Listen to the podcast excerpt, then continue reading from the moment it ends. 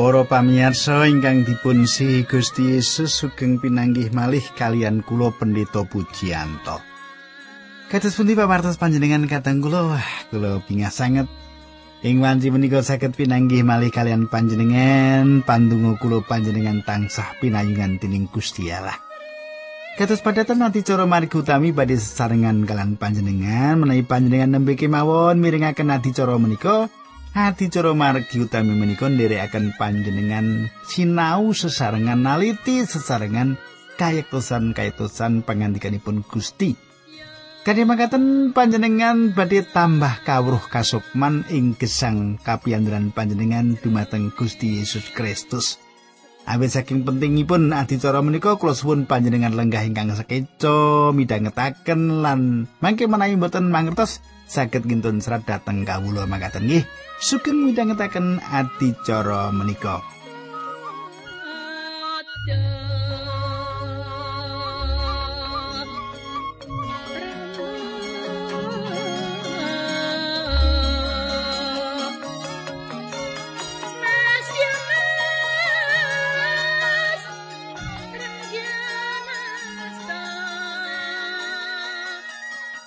Para pamirsa menapa panjenengan tasih kemutan menapa ingkang kula aturaken duk nalika pepanggihan kepengker ing pepanggihan kepengker kita sampun nyemak bilih peti perjanjian menika sejatosipun meratelaken gegambaran bab pribadi Gusti Yesus Kristus. Wonten ing peti perjanjian menika wonten tutup bedamen ingkang nggambaraken kegayutan pakaryan panebusanipun Gusti Yesus rahipun ingkang sampun dipun soaken kasunyatan bilih panjenenganipun sakmenika dados juru pirukun kita. Juru pirukun antawisipun kula kalian Gusti Allah.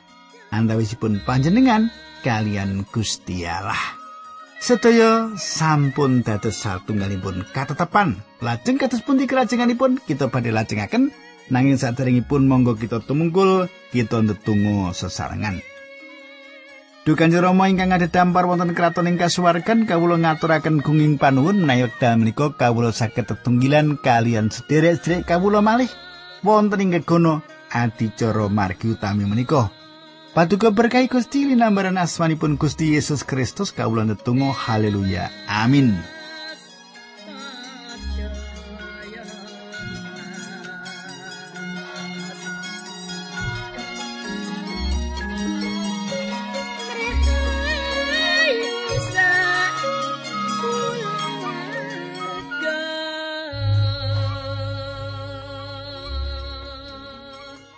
Para pamirsa ingkang kula tresnani, pasinan kita sampun lumebet ing kitab kalih babat bab gangsa.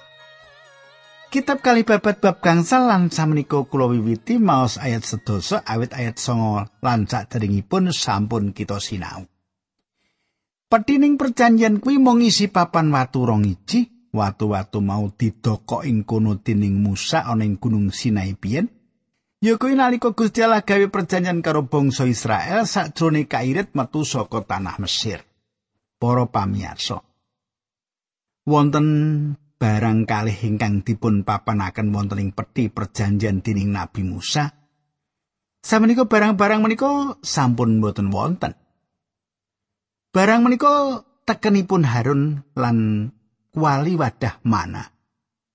Mana panjenengan tasih kemutan saking seratan ning salebetipun wilangan? Pitulas. Mana menika badhe ical menawi tiang mboten nglempakaken menawi mboten dipun tedha ing dinten kawitan badhe risak.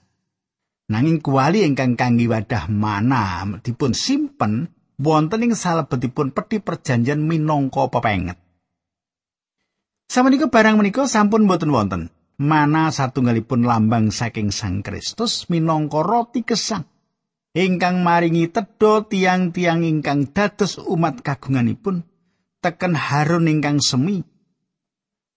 Satunggalipun lambang wungunipun Gusti Yesus. Teken ingkang dipun pratilaken dumateng kita jaman samenika lumantar kasunyatan sejarah bilih Gusti Yesus sedo. Menika kamanungsanipun dipun kubur Salajengipun wungu malih ing dinten kaping 3 menika sanes manungsa. Menika meratelaken sifat kealahanipun. Harun ingkang dados jejeripun iman dipun teguhaken kanthi seminipun tekenipun seminipun teken menika satunggalipun gambaran saking patangin. Cetok nggih. Samenika kula lajengaken ayat 11. Para imam nuli padha metu saka ing pasucen, para imam kang ing wektu iku ana kabeh wis padha sesuci ora kacincang ing gilirane golongane dewi-dewi. Para pamirsa panjenengan tingali sedaya gegentosan menika satunggalipun wujud anggenipun sumarah. Para penyanyi wonten ing mriku lan orkesta kalian tracap lan gambus lan harpa lan satu sekali dosa ingkang ngungelaken slompet. Bab 5 ayat 13 kalih babat. Para juru ngunekake kalasangka lan para juru ngitung mau banjur padha bebarengan ngitungake pepujian lan ngrepekake kidung panuwun kunjuk marang Pangeran Yehuwa. Padha ngulukake suarane binarung ing swaraning kalasangka kacer lan unen-unen liyane kalawan memuji marang pangeran pangucape panjenengane iku becik sih susetian iku langgenging salawase ing nalika iku pedalaman mau yaiku pedalaman Yewah kapenuaning mega. Para pamirsa menika satunggalipun lelampahan ingkang ageng. Samenika ayat 18 nganti para imam ora betah anggone padha ngadeg nindakake tata pangibadah merga saka mega iku awit kamulyaning Yewah ngebeki pedalamaning Allah. Para pamirsa Selajengipun pasinan kita lumebet kalih babat 6 menika satunggalipun welingan ingkang ngidapi-dapi ingkang dipun lantaraken Sulaiman. Ayat tunggal kalih tiga, Raja Sulaiman nuli ndedonga, "Duh pangeran, Paduka langkung rena dedalem ing salebetipun mega ingkang peteng, samenika kawula yasa gedhong minangka kedaton kagem padeleman paduka ing salami-laminipun." Sawise mengkono, Sang Prabu banjur minger ngadepake rakyat sing padha ngadeg ing kono sarta nyuwunake berkah marang Allah kanggo wong-wong mau. Para pamirsa samenika Sulaiman nglantaraken welinganipun dumateng rakyatipun. Ayat sekawan, pangandikane Sang Nata. Pinujiya Sang Yewah Gusti Allah wong Israel kang wis nindakake kalawan astane apa kang kapangandikake kelawan mesane marang Rama Daud ramaning sun mengkini. Para pamirsa panjenengan tingali Dawud inggih menika tiyang ingkang tanggung jawab atas ngedekipun pedalaman menika. Ayat gangsal. Wiwit nalika ingsun ngirit umat ingsun metu saka ing tanah Mesir ora ana kutha kang sun pilih ing antarané sakai suku Israel kanggo ngedekake pedalaman. Kang dadi papan pedalaman ingsun asmaning sun lan ora ana wong kang sun pilih perlu. Sun dadekake ratuning umat ingsun Israel. Ayat 6 nanging wekasane ingsun milih Yerusalem minangka papaning pedalamaning asmaning sun sarta milih Daud supaya nguasani umat ingsun Israel. Para pamirsa Ing salebeting kersanipun Gusti Allah ingkang gadah panguwaos, Daud milih Yerusalem dados punjering pemerintahan lan ibu kota saking bumi menika. Gusti Allah milih Yerusalem minangka papan kangge ngedekaken pedalaman Allah. Gusti Allah milih Daud minangka raja lan samenika satunggal garis turunipun Daud. Menika satunggalipun kersanipun Gusti Allah ingkang boten saged dipun ganggu gugat lan panguwasipun boten winates sing babagan milih. Samenika kadang kula pilihan kita asring benten kalian pilihan Gusti Allah. Upaminipun kula boten badhe milih Yerusalem. Kulo gada pikiran menawi tanah ingkang indah ing Israel menika Samaria, papan Ahab lan Isabel gesang. Kathah tiyang ingkang bangun griyanipun wonten ing sakinggilipun gunung kanthi makaten saged ningali sesawangan ingkang indah ing ngare menika. Nanging ing Samaria panjenengan saged mirsani dateng pundi kemawon dateng ngilen panjenengan saged ningali laut tengah dateng ngitan panjenengan saged ningali ngari Yordan lan telaga Galilea Dateng kidul panjenengan saged ningali Gunung Hermon menika satunggalipun tetinggalan ingkang endah. Kula badhe milih papan menika dados ibu kota. Nanging para pamirsa, Gusti Allah mboten rerembakan kalian kula utawi nangretaken pepinginan kula. Gusti Allah milih Yerusalem. Menika kersanipun Gusti Allah ingkang kagungan pangwas. Gusti Allah ngendika aku wis milih Yerusalem.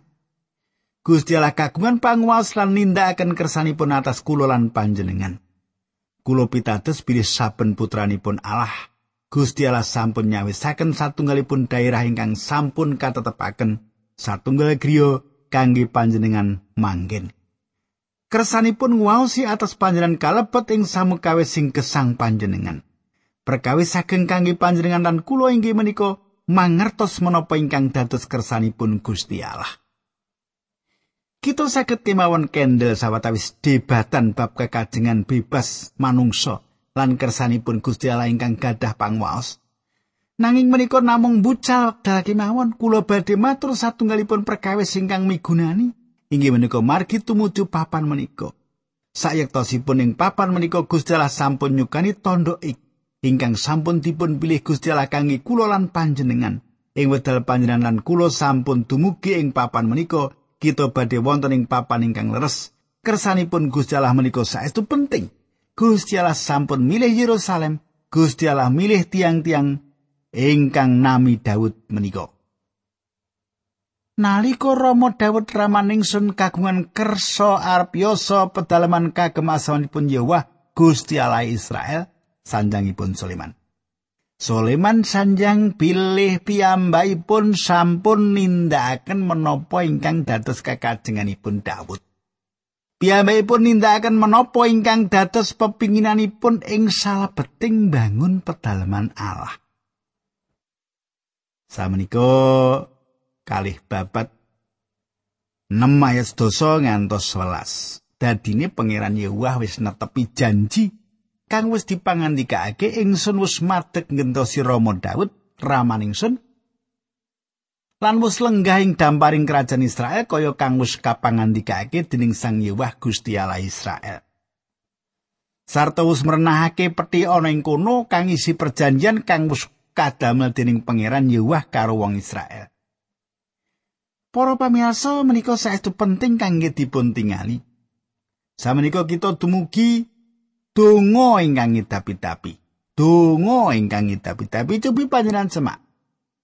Bab 6 ayat 12 ngantos 13 Soleman wis gawe panggung saka prunggu ing tengah pelataran pedalaman Allah. Dawane lan ambane loro koma loro meter lan dhuwure siji koma telu meter. Soleman minggah ing panggung jumeneng ngadepake rakyat lan mespeh saben wong bisa nyawang panjenengani sawise mengkono Sulaiman banjur sujud karo ngangkat astane karo pisan sarta ndedonga. Para pamirsa menawi panjenengan gadah pitakenan gegayutan sikap badan ingkang leres sing salebetipun ndedonga.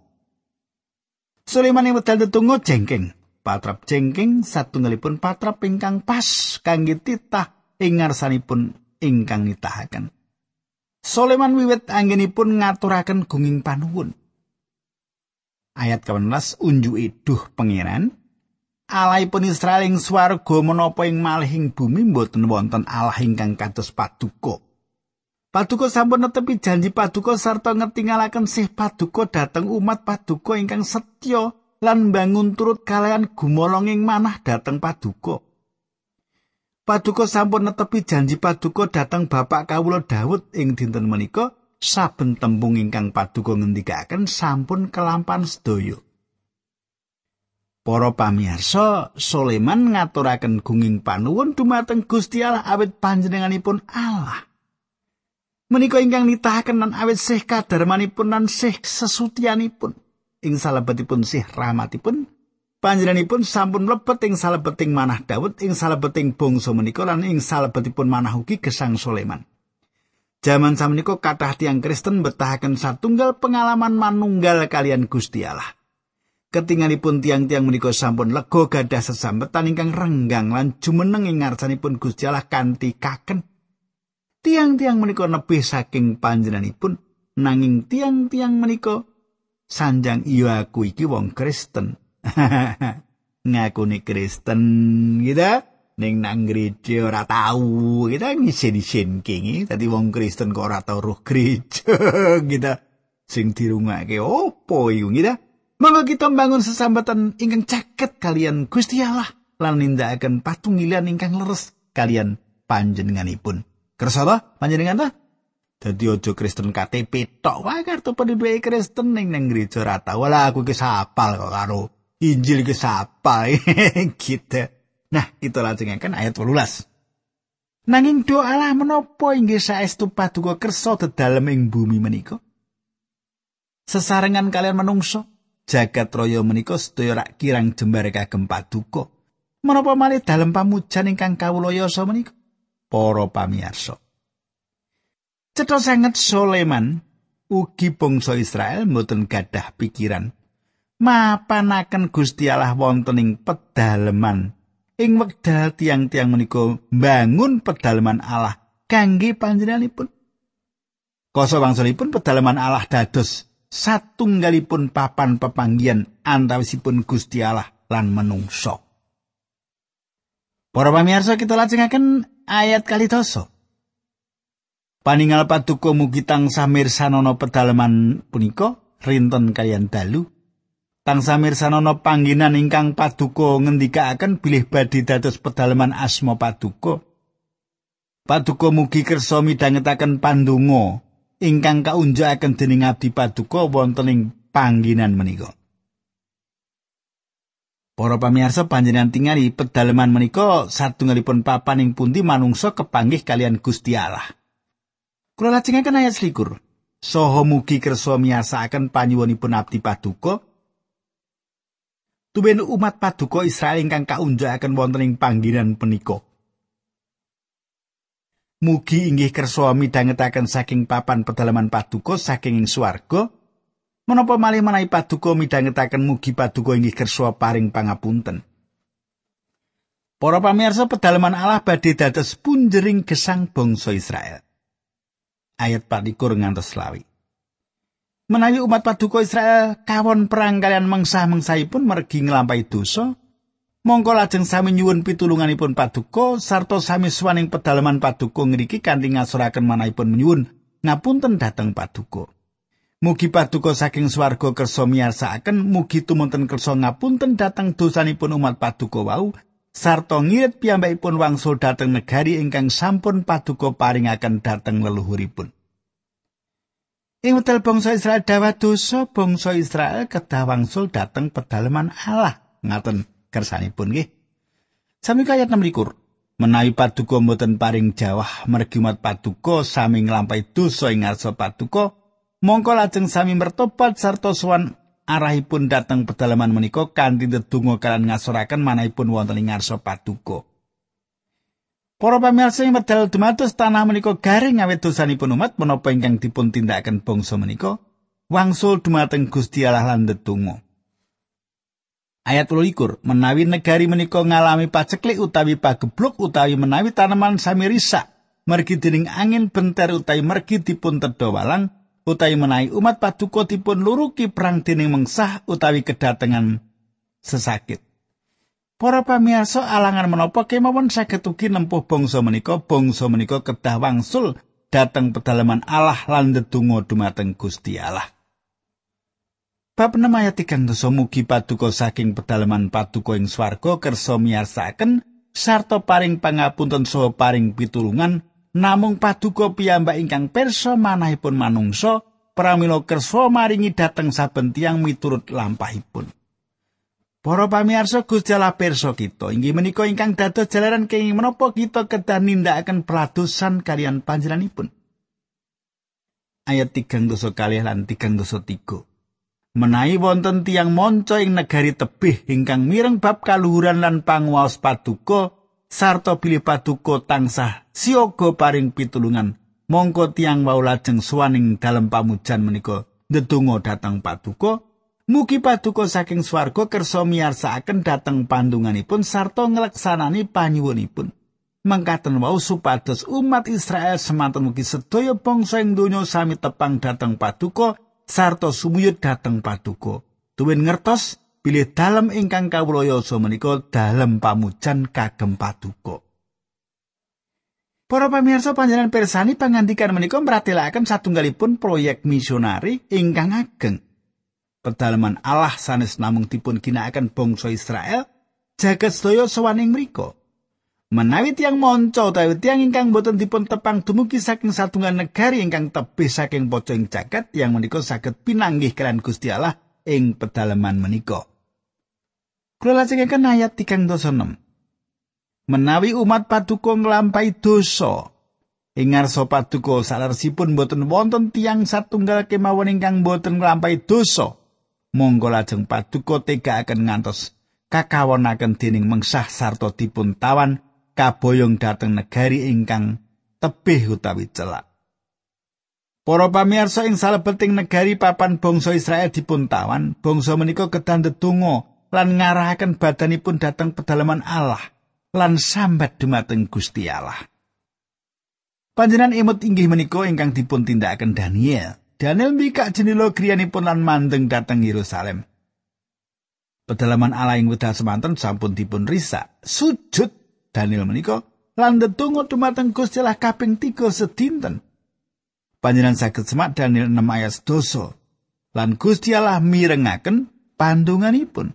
Nah, panjenengan saben dinten menika dungane kaping pira? Nggih.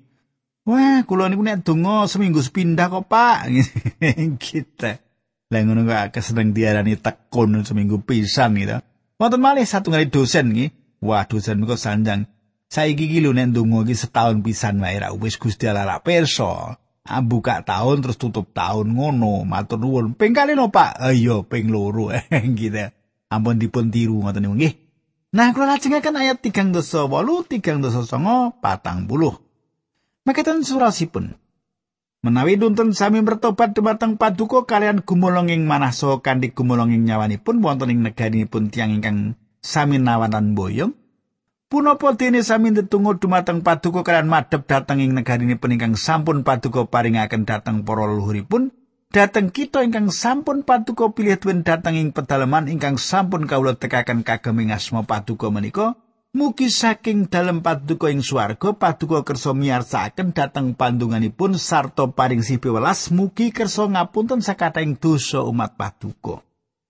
Samenika doa kawula kersa menggalih dhateng kawula sarta miyarsakaken pandunga ingkang kawula unjukaken saking papan menika. Para pamirsa, pedalaman Allah ingkang dipun kersakaken dados satunggalipun papan pepanggian. Ayat kawan dosa setunggal, kawan dosa kali. Kersa jumeneng doa Allah lan sesarengan kalian petining perjanjian ingkang dados lambanging pangwas paduka mlebeting dalam pamujal menika sarta dedalem ing ngriku selami-laminipun mugi kersa berkahi pedamelanipun para imam paduka lan mugi sedaya umat paduka ngalami karaharjan awit saking berkah paduka Do pengiran pandunganipun raja ingkang sampun paduka pilih menika mugi sampun ngantos paduka tampik. Para pamirsa, Menika satunggalipun donga ingkang luhur. Panjenengan katasaken bilih Sulaiman nindakaken donga menika alandesan sih kawalasanipun Gusti Allah ingkang dipun paringaken dumateng Daud. Panjenengan kula kedan tetungga awit Sang Kristus sampun dados satunggalipun tutup pedamen kangge kita lumantar raipun ing kajeng salib lan Gusti Allah badhe ngesokaken sih rahmatipun dumateng kita. Para pamirsa kula sigek semanten rumiyin nggih ngantos pinanggih malih ing dinten candhaipun aja lali. Nggih wektalipun sami gelombangipun sami. Kita ndedonga rumiyin. Duh Kanjeng Rama ing swarga kawula matur nuwun. Menawi panci menika saged midhangetaken sabda pangandikan paduka. Kawula nyuwun berkah paduka tinambaran asmanipun Gusti Yesus kawula ndedonga. Amin